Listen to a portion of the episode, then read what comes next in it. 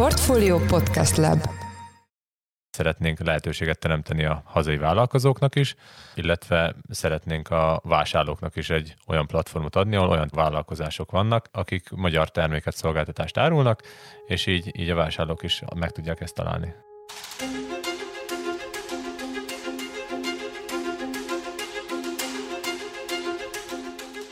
Célunk, hogy a közösség határozza meg a piacot, és ne a piac a közösséget. Sziasztok, ez a Portfolio heti extra podcastja, én Orosz Márton vagyok a műsor házigazdája.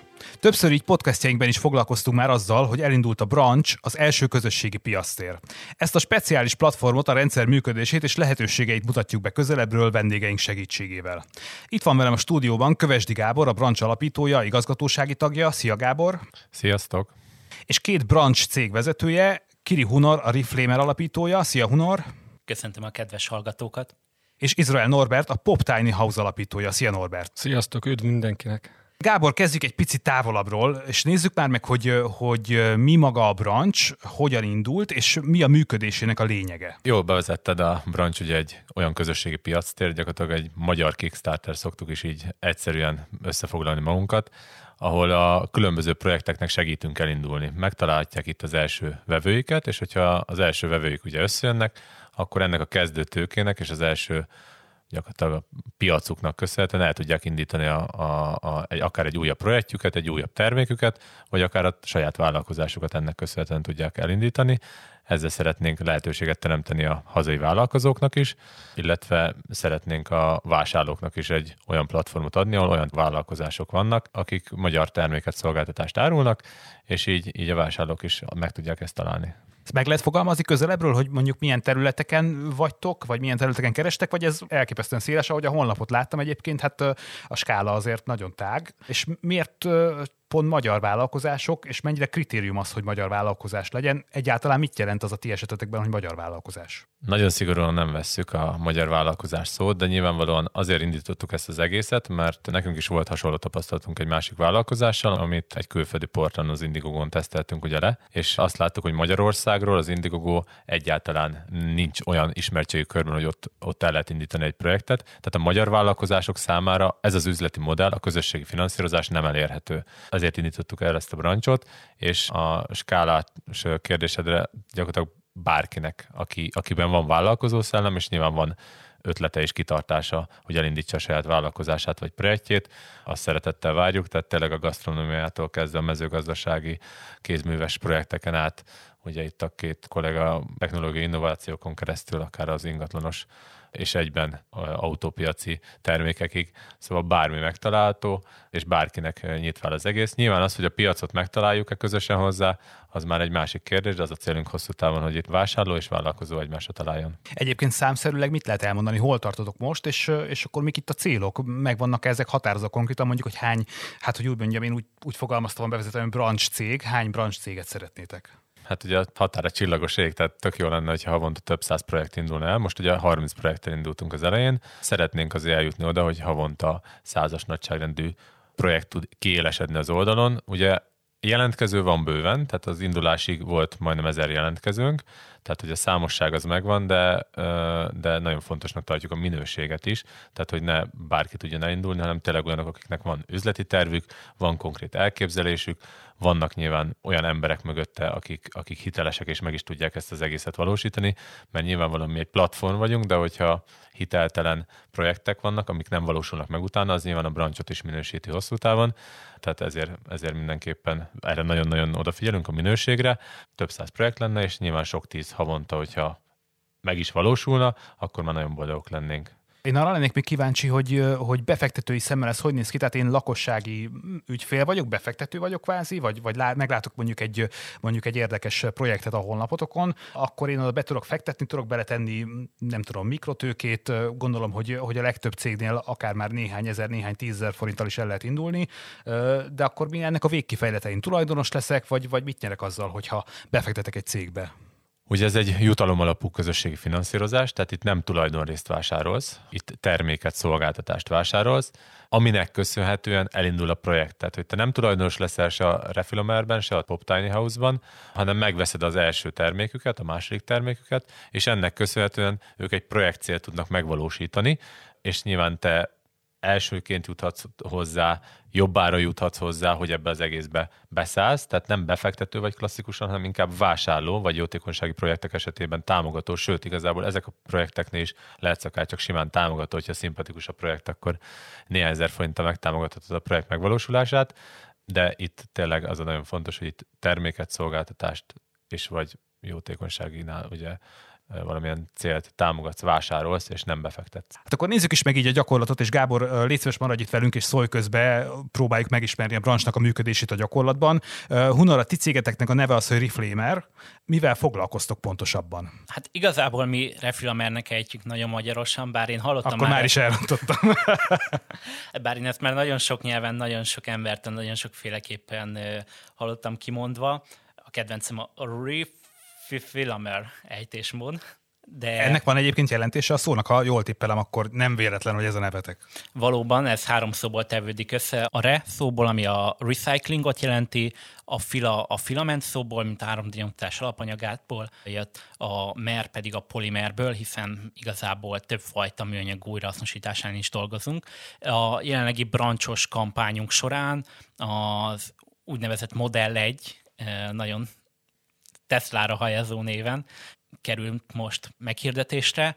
Ez egy jelenleg prototípus állapotban lévő gép, ami képes PET palackokból a 3D nyomtatás alapanyagát előállítani, sőt igazából aki egy ilyen gépet beszerez magának, azáltal, hogy támogat minket, azzal ő otthon magának a, saját műanyag hulladékját, vagy mások műanyag hulladékát képes 3D nyomtató alapanyagát alakítani. Tehát ezt a gépet ti gyártjátok? Pontosan, mi fejlesztjük és mi gyártjuk. Hogy kell elképzelni ezt a gépet? Mekkora például? Mennyibe kerül? Mennyire lehet ezt most megvásárolni, hogyha én szeretnék egy ilyet, mert egyébként nekem otthon van egy csomó műanyagpalackom, és egyébként csak műanyagpalackból lehet, vagy mi, miből lehet még ezt, a, ezt az alapanyagot előállítani a gépetek segítségével? Ez egy 30x40x60 centis gép nagyjából, tehát egy átlag 3D nyomtatónál jóval kisebb, nagyjából egyébként három kenyérprító méretű. Ez jelenleg sajnos csak PET tud feldolgozni, ami abból a szempontból nem problémás, hogy sajnos a PET palack a leggyakoribb műanyag hulladék. KS adatai szerint például évi azt hiszem, hogy 20-30 kg-ot állít elő egy átlag magyar háztartás, amilyen pont nem, tehát nekem például a barátaim hozzák a PET palackot, de elég nagy mennyiségben hozzáférhető ez bárki számára, úgyhogy ebből a szempontból nem okoz problémát az alapanyaghoz jutás, és ezt a filamentet, amit a gép előállít a PET palackokból, aztán tudjuk felhasználni a 3D nyomtatás alapanyagául, tehát ez bármilyen filamenten működő 3D nyomtató fel tudja használni, aztán tudunk belőle nyomtatni játékot, szobrot, akár szerszámot, sőt, van olyan partnerünk, aki protézist fog belőle nyomtatni. És akkor a gép az most kapható maga? Tudok nálatok vásárolni egy ilyet, vagy, vagy esetleg valahova be tudok sétálni egy boltba, ahol meg tudom vásárolni, vagy mondjuk a brancson keresztül? Ez hogy működik? jelenleg csak a brancson keresztül lehet támogatni minket, akár egy támogatói csomag, tehát akár már 2000 forintos támogatói csomag megvásárlásával, vagy pedig 155 ezer forintért egy gép megvásárlásával. Ez máshol most idén már nem is lesz kapható.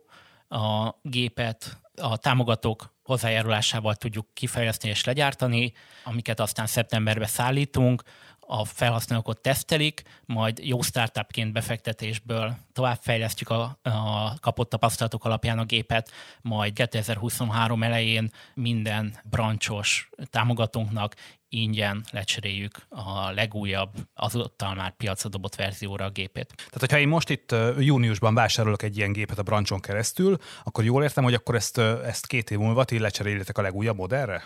Igazából fél év múlva. Ez most úgy fog kinézni, hogy a most amennyiben sikeres lesz a kampány, akkor az összegből, amit a támogatóink nyújtottak felénk, akár támogatói csomag megvásárlásával, akár gép megvásárlásával, abból a gépet továbbfejlesztjük, szeptember végén ezt mindenkinek kipostázzuk, majd az ő tapasztalataik alapján három hónappal később tökéletesítjük a gépet, amit aztán piacra is dobunk, és ezt a piacra dobott verziót aztán mindenkinek ingyen fogjuk cserélni a régi prototípus helyett. És mi történik akkor, hogyha én nem akarok vásárolni egy ilyen gépet, de támogató szeretnék lenni, mert nagyon tetszik az ötletetek, de mondjuk nálam nem fér el kicsi a lakásom, nincs annyi plastik hulladékom, és egyáltalán nem is akarok előállítani olyan alapanyagot, amiből 3D-sen nyomtatnék, akkor mi történik a pénzemmel? Ilyenkor lehet, lehet szó támogatói csomagokról. Támogatói csomagból például nálunk három darab van, egy 2000, egy 8000 és egy 20 ezer forintos támogatói csomag. Például a 2000 forintos csomagban még csak egy kevés filament és egy refilameres matrica található, míg a 20 ezer forintos csomagban például egy refilameres sapka és egy póló, viszont meglepően sokan élnek ezzel a lehetőséggel. Azt hiszem, hogy lassan már tán két gép árát is támogatásként megkaptuk. Gábor, a refilamer például mennyire nevezhető tipikus branch cégnek, és mit láttok, hogy, hogy mennyire érdeklődnek az emberek a támogatás és a vásárlás iránt? Egyelőre nem tipikus branch projekt a refilamer. Ugye a humorék az átlagnál jóval felkészültebbek, ugye ők azért több helyen pitchelték is már ezt a sztorit. Cápák közöttben is, ha jól tudom, voltak. Nyilvánvalóan ők, ők sokkal komplexebben fogják ezt az egészet meg, illetve nekik ugye ez az innováció miatt egy érdekességfaktor pluszban van. Nyilván vannak olyan projektek, akik egyszerűen saját hobbit szeretnének vállalkozását átfordítani, azok kevésbé innovatívak. Honoréknál ez a támogatói csomag az kiemelten népszerű, mert ugye, hogyha ez sikeres lesz, és mindenki elégedett lesz, és tovább tudják fejleszteni ezt a gépet, akkor ez akár nemzetközi szinten is egy nagyobb visszhangot kiváltó sztori lehet. Tehát sokan vannak, akik, akik ebbe kicsit kisebb összeggel vagy nagyobb összeggel egyébként is akarnak beszállni. De nem ez a tipikus, de reméljük, hogy azért egyre több ilyen projektnek leszünk egy felület.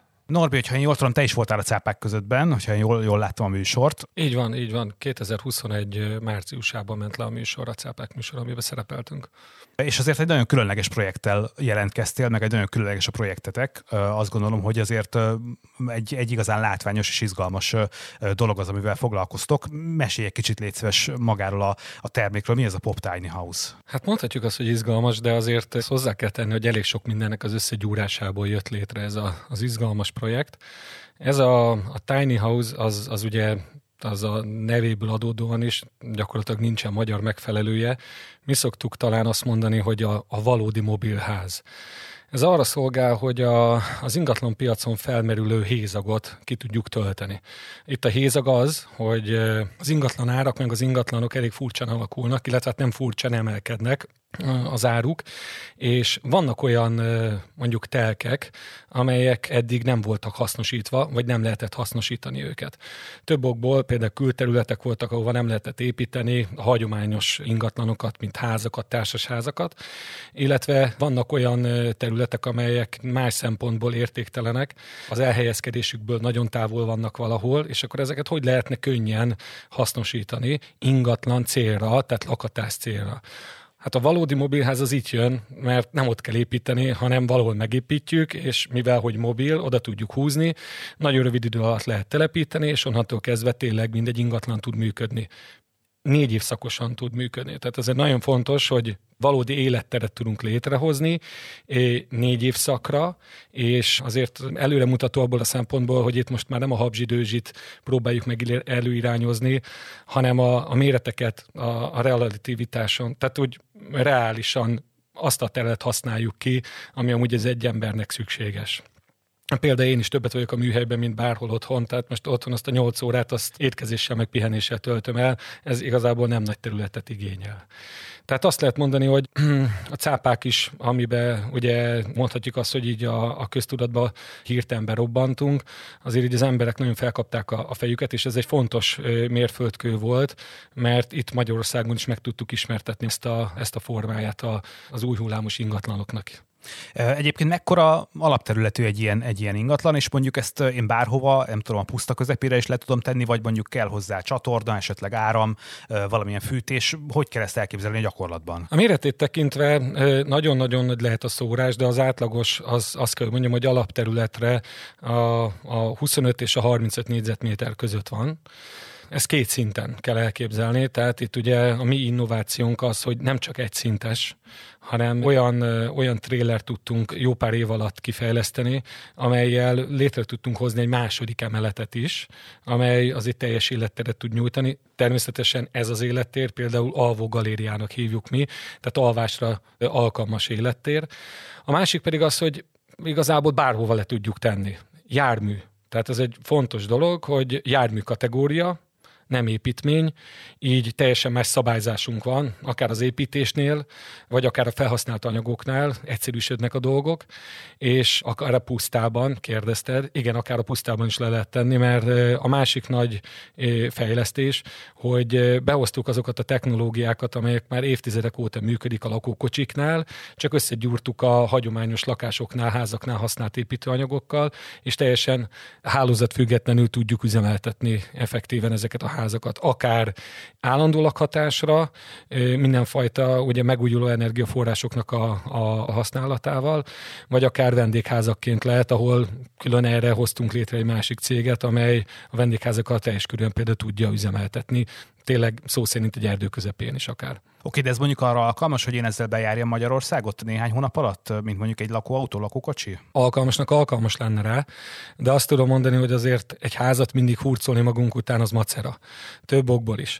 Kell hozzá autó, egy megfelelő jogosítvány, gyakorlat, és természetesen olyan helyszín is kell, ahol meg tudunk állni, mert akár egy közepes házzal, egy vontatóval a 15-16 métert is el tudja érni a szerelvény, és az meg közel már a nyerges vontatónak, a nyerges kamionnak a mérete persze meg lehet csinálni, mert amikor egy rócsóra elmegyek, akkor 10 nap alatt 700 kilométert megteszek 10 helyszínnel. Tehát alkalmas rá. Én azt szoktam azért mondani, hogy használat szempontjából és jellegét tekintve inkább ingatlan, jogi szempontból meg járműként kell ezt kezelni. Egyébként mennyit adhatok már el ebből a termékből, és hogy kell elképzelni ennek a, ennek a gyártását? Mondtad, hogy van egy műhelyetek, akkor ott készül a, a teljes jármű lakóház. Hogy, hogy lehet ilyet vásárolni? Például azt feltételezem, hogy mondjuk azért várólistátok van. Abszolút várólistánk van. Ugye tavaly kezdtük el a, az értékesítését, mondhatjuk azt, hogy a cápák műsorral, tehát oda lett időzítve. Kicsit a cápák az előre is hozta maga a magyarországi piacra lépésünket. Előtte azért négy évet én ezzel már foglalkoztam, foglalkoztam, hogy hogyan lehet ezt megalkotni. Említettem a trélert, vannak olyan technológiák, amelyet ki kellett fejleszteni, mert azért ne felejtsük el, hogy a hagyományos építőanyagokat úgy kell összeépítenünk, hogy járműként is üzemeljenek. Tehát azt lehet mondani, hogy egy ház, házat hoztunk létre, amely ha utazik, akkor folyamatosan földrengést él meg. Tehát olyan, olyan technológiát, olyan anyagokat kellett ö, eddig még nem kipróbálva összeépíteni, hogy ez működjön és elég, sok, elég nagy az érdeklődés, tehát ezzel nincsen probléma. Eddig Magyarországon gyártottuk, illetve Magyarországon gyártjuk a, a felét, mondjuk úgy, hogy a trélert meg az alvázat, és most Erdélybe vittem ki a, a gyártást, mert a megnövekedett igényeket nem tudtuk a mostani, még mindig üzemelő műhelyünkbe ezt profi módon ellátni, az igényeket, és végül is a branch, illetve a branch kampányunk arra irányul, hogy itt értékesítsünk 12 darab házat, egyforma házat, és ezzel a egyforma házakkal vissza tudjuk hozni Magyarországra a gyártásunkat. Miért fontos, hogy egyforma? Hát egyforma házat ugye sorozatban lebírunk gyártani, ez nagy segítség lenne, és akkor újból megint a teljes gyártást azt itthon Magyarországon tudnánk folytatni visszakanyarodik az előző kérdésem elejére, mennyibe kerül nagyságrendileg egy ilyen, vagy négyzetméter áron, hogy lehet meghatározni egy ilyennek az értékét? Négyzetméter árat nem tudok mondani. Mindenkinek más az igénye, meg a másik az jármű, tehát itt igazából, ahogy említettem, hogy használat és jellegébe tekintve ingatlan, de árazás szempontjából is nem így működünk, hogy négyzetméter ár van. Ugye nettó 15 millió forinttól nagyon messzi el lehet menni, tehát van olyan, hogy két házat építünk össze, azzal már több mint 60 négyzetméter az élettér, amit létrehozunk, és például van egy ilyen árajátunk kint, amelyik elfogadásra került, és az 40 millió forint plusz áfa fölött van, de abban minden földi jó benne van, és hálózat független. Egy 12 hektáros területen fogják felállítani, nem túl messze Budapesttől, és ott egy család fog élni, tehát három gyerekkel fognak élni, tényleg minden földi jót bele lehet tenni. Tehát a 15 milliótól akár az 50 millióig terjedhet az összeg, amit ki kell fizetni egy ilyen házért, de minden igényt ki tud szolgálni. Nagyon kíváncsi lennék még, még arra, hogy kik a tipikus vásárlóitok, hogy lehetne meghatározni őket, kik azok, akik mondjuk megkeresnek téged, és, és, és mennyire egyediek az igényeik? Az igények azok teljesen egyediek. Tehát azt kell, hogy mondjam, hogy éppen azért csináltunk a brancsra egy, egy olyan házat, amely a, a megkeresésekből adódóan statisztikát vezetünk, illetve hát látjuk az igényeket, és próbáltunk egy olyan házat megalkotni, amely méretben is a, a, egy olyan méretű 7 méter 90 maga az alapterületünk, 2 plusz 2-es ház, tehát azt lehet mondani, hogy négyen is el tudnak benne férni, illetve hát egészen normális életteret tud adni ez a, ez a, ezzel az alapterülettel, már, illetve hosszal, a 790-es hosszal És hogy kik vásárolnak, hát érdeklődés az nagyon-nagyon-nagyon széles. Tehát a a 20 évesektől akár a 70 évesekig, de maga, akik vásárolnak, azt látjuk, hogy a középosztálynak a, a felső része az, aki vásárol. Korban a 35 és az 50 év közöttiek, hogyha korban akarnánk esetleg definiálni, hogy ki az, aki vásárol tőlünk. Gábor, hogy kell ezt elképzelni? A, a srácok besétáltak egyszer hozzád, vagy megcsör, megcsörönt a telefonod, és azt mondták, hogy figyelj, van egy ilyen szuper vállalkozásunk, működjünk együtt, vagy ti kerestétek meg őket, hogy működik a folyamat? Mindenre volt példa, és szerintem a két srác esetében is pont ilyen hibrid volt, mert mind a ketten jelentkeztek is szerintem a brancson, de mind a kettőkkel volt személyes meg telefonos beszélgetés is több is, szóval igazából nyilvánvalóan ez alapvetően az a célunk, hogy minél többen jelentkezzenek, és minél több érdekes projekt jelentkezzen, de másik oldalról, hogy az elején említettem, a minőség is nagyon-nagyon fontos, tehát hogy fontos, hogy ők is megértsék, hogy miről szól a branch, hogy a branch branch mit, miben akar segíteni. Volt egy jelentkező, aki a párizsi utazását akart megszponzorálni. Nyilván ez a projekt nem indult el. Tehát, hogy azért mondom, hogy mi azért nagyon sok energiát teszünk is ebbe is bele. Tehát, hogy utána proaktívan is kerestük a srácokat, és beszéltünk, és átbeszéltük, hogy miről szóljon a projekt, mi az, ami, ami a, a branch szempontjából érdekes, mi az, ami a hazai közönség szempontjából, mi célunk, víziónk szempontjából érdekes, ami passzol az ő céljaikhoz is, és akkor így találtunk egy közös nevezőt, ami, amit el tudtunk mind a két projekt esetében, meg a többi közel 30 projekt esetében indítani. Norbit, említetted azt, hogy több házat már a brancson keresztül adtatok el, akkor nálatok ez jelenti az üzleti modellt elsődlegesen a brancson keresztül, az értékesítés, és van-e nálatok akkor valamilyen fajta támogatás? Mi a brancson keresztül próbáljuk a legjobban népszerűsíteni, mint ahogy mondtam, illetve nem is az, hogy népszerűsíteni, hanem ugye itt a, egy olyan ház konstrukciót eladni, amelyel haza tudjuk hozni a teljes gyártást. Tehát ez egy nagyon fontos dolog, hogy, hogy 12 házat érjünk el, legyen sikeres kampányunk, jó irányba haladunk ezzel, és hogyha megvan ez a 12 ház, akkor ezzel a teljes gyártásunkat profi módon hazabírjuk hozni, és el tudjuk indítani. Másképpen, tehát ugye a branch előtt is értékesítettünk, a teljesen más formában, próbáltunk már elég sok mindent, de a branch tudunk egy olyan értékesítési formát kitalálni, hogy ők ugye az online értékesítést, tehát nagyon sok embert elérnek, és mi pedig ugye megmutatjuk a házunkat. Például volt most nem olyan rég egy nyílt napunk, amit tervezünk még egy nyílt napot, tehát ott aztán a manifestálódott terméket is meg tudják nézni az ügyfelek, és így nem csak mondjuk a mi termékünk egy nagyon drága termék, tehát ugye több tízmillióról beszélünk, tehát azért azok az ügyfelek, akik online megnézik, utána azért szeretnék megtapogatni is, és nagyon nagy siker van ennek az egésznek, hogy egyáltalán el tudnak jönni és meg tudják nézni maga a terméket. Tehát nekünk nagyon jobb brancsnak a felülete, és szerintem szép lassan, de biztosan beérik az is, hogy, hogy, hogy, hogy a kampányunk a sikerbe tudjon fordulni.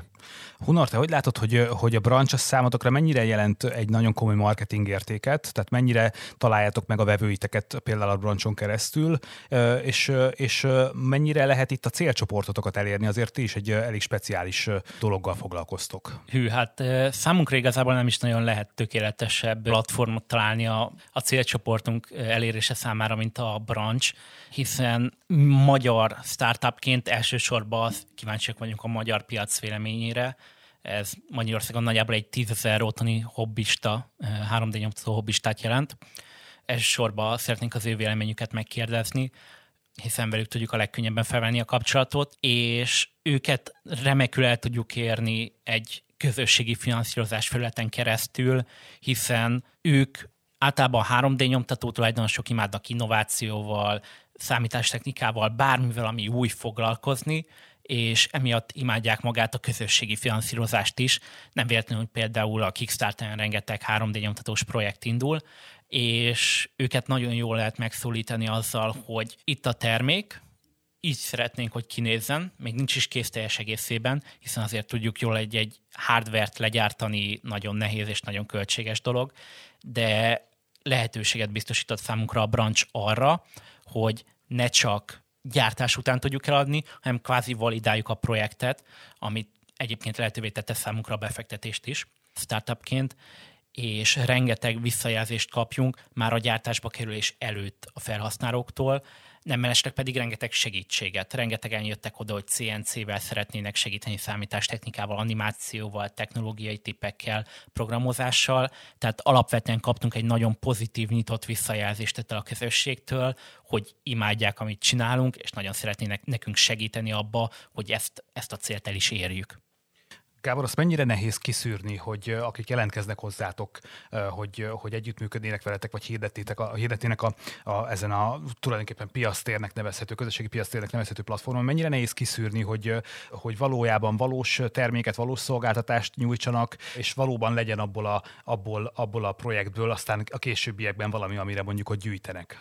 Ja, nagyon az út elején vagyunk, és a terméket, szolgáltatást mi, mi nem nagyon szeretnénk kiszűrni, az dönts el a piac. Tehát, hogy mi pont ezért jött, jöttünk létre, és ezért vagyunk, hogy a komolyan vehető, komoly emberek projektjeit, azt szeretnénk igazából mindegyiket kitenni a platformra, és majd a vásárlók eldöntik. Van olyan projektünk, aminél 0% vásárlás volt, azt szerintem két dolgot jelent. Egyrészt a, a projekt lehet, hogy nem annyira érdekes, másrészt meg nyilván a projekt gazda se feltétlen foglalkozik vele annyit, hogy egy vásárlót se tud toborozni, vagy egy vásárlót se tudunk így közösen elérni.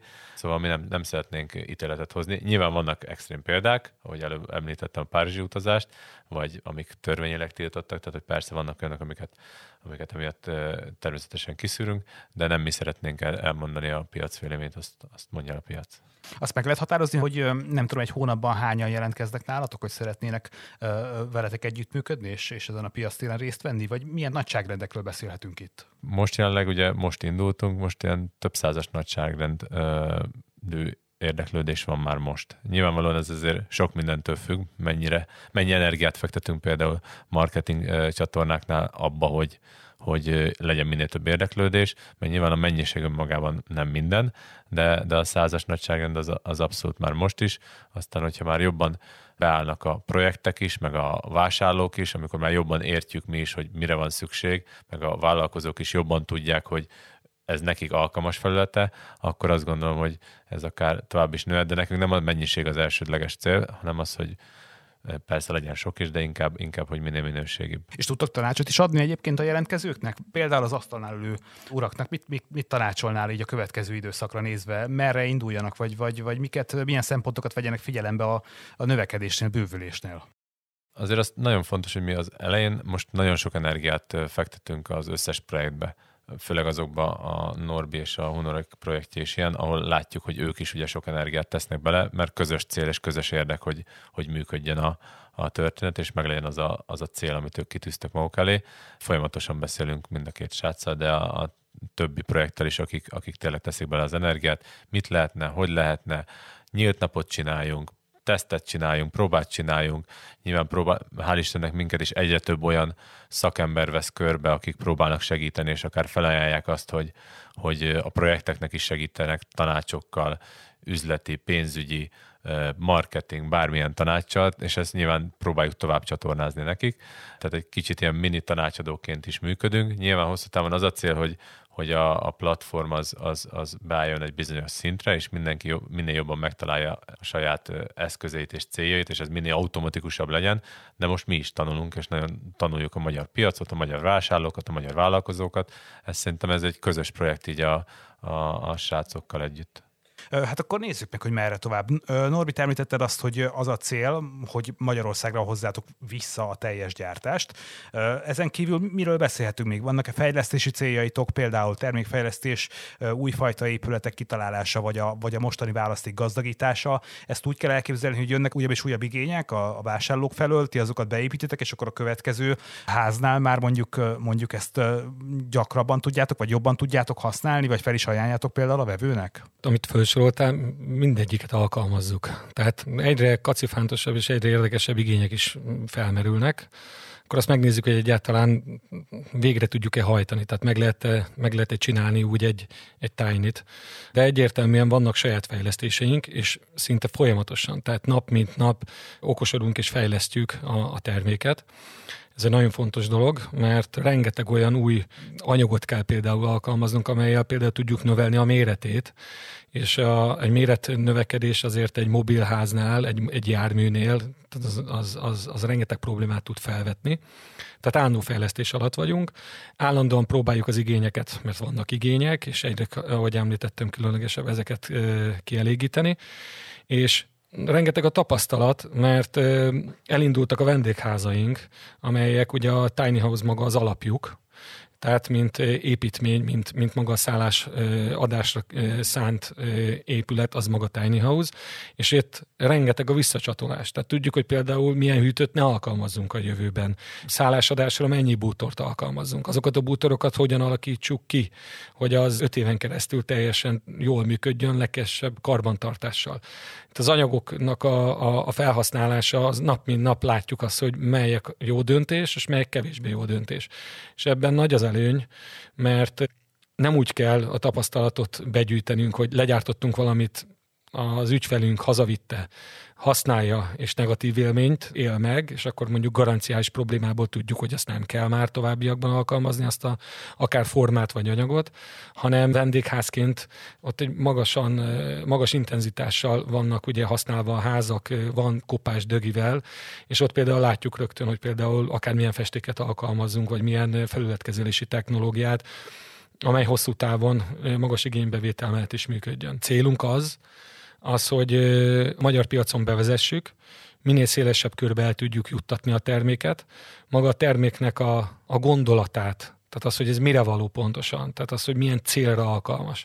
Ezt az emberekbe pontosítjuk, és utána pedig, hogy rövid időn belül, mert van nagy érdeklődés, a külföldi piacra kilépjünk.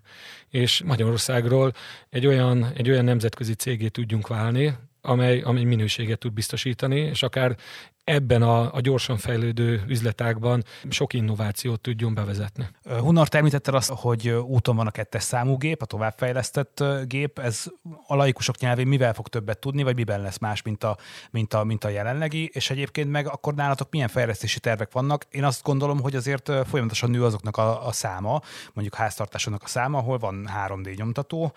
Azt gondolom, hogy a célcsoportotok is ezzel párhuzamosan kellene, hogy növekedjen. Pontosan egyébként nem csak a 3D nyomtatós háztartások, de a cégek száma is nő. Azt hiszem USA átlag, hogy a cégek 5%-ánál már van 3D nyomtató.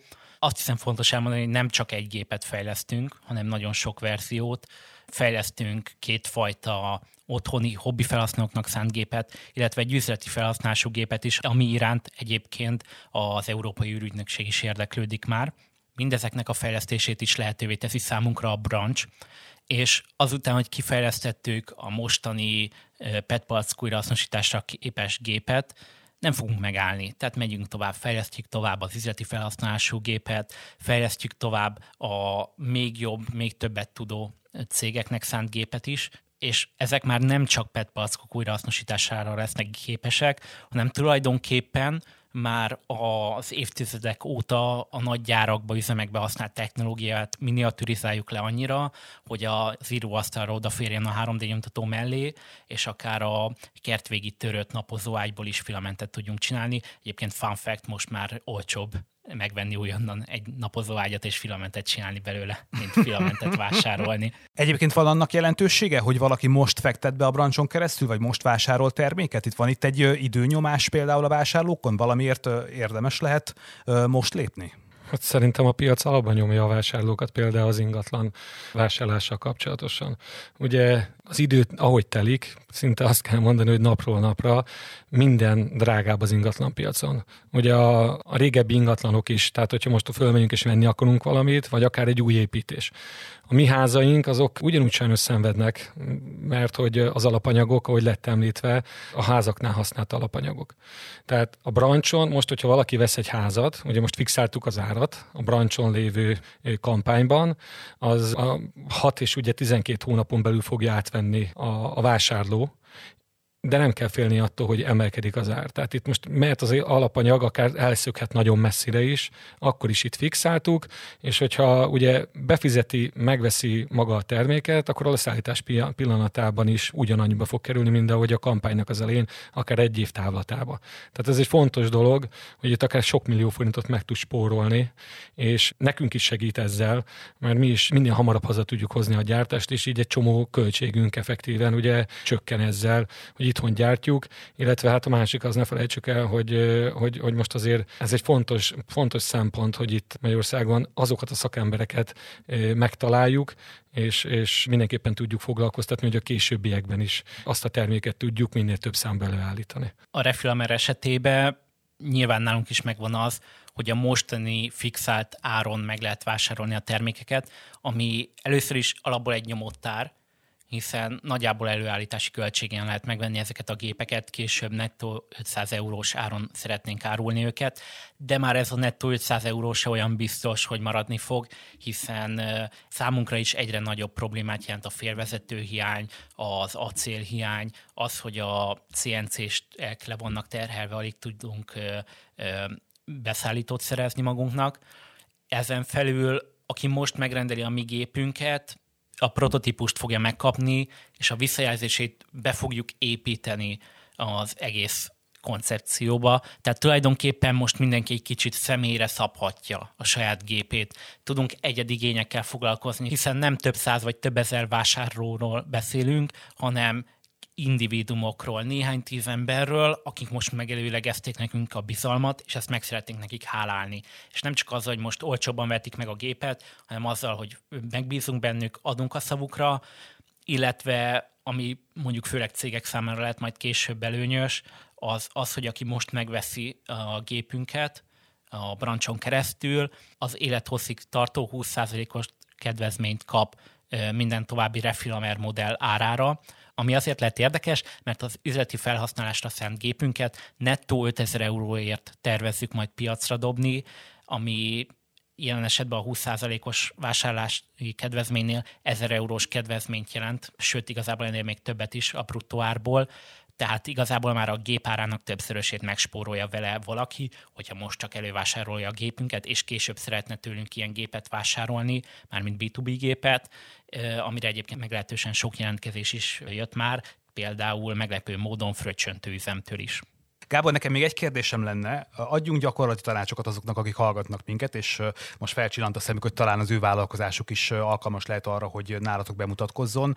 Milyen szempontokat érdemes itt figyelembe venni, milyen tanácsokat adnál azoknak, akik, akik most, most ezen gondolkodnak?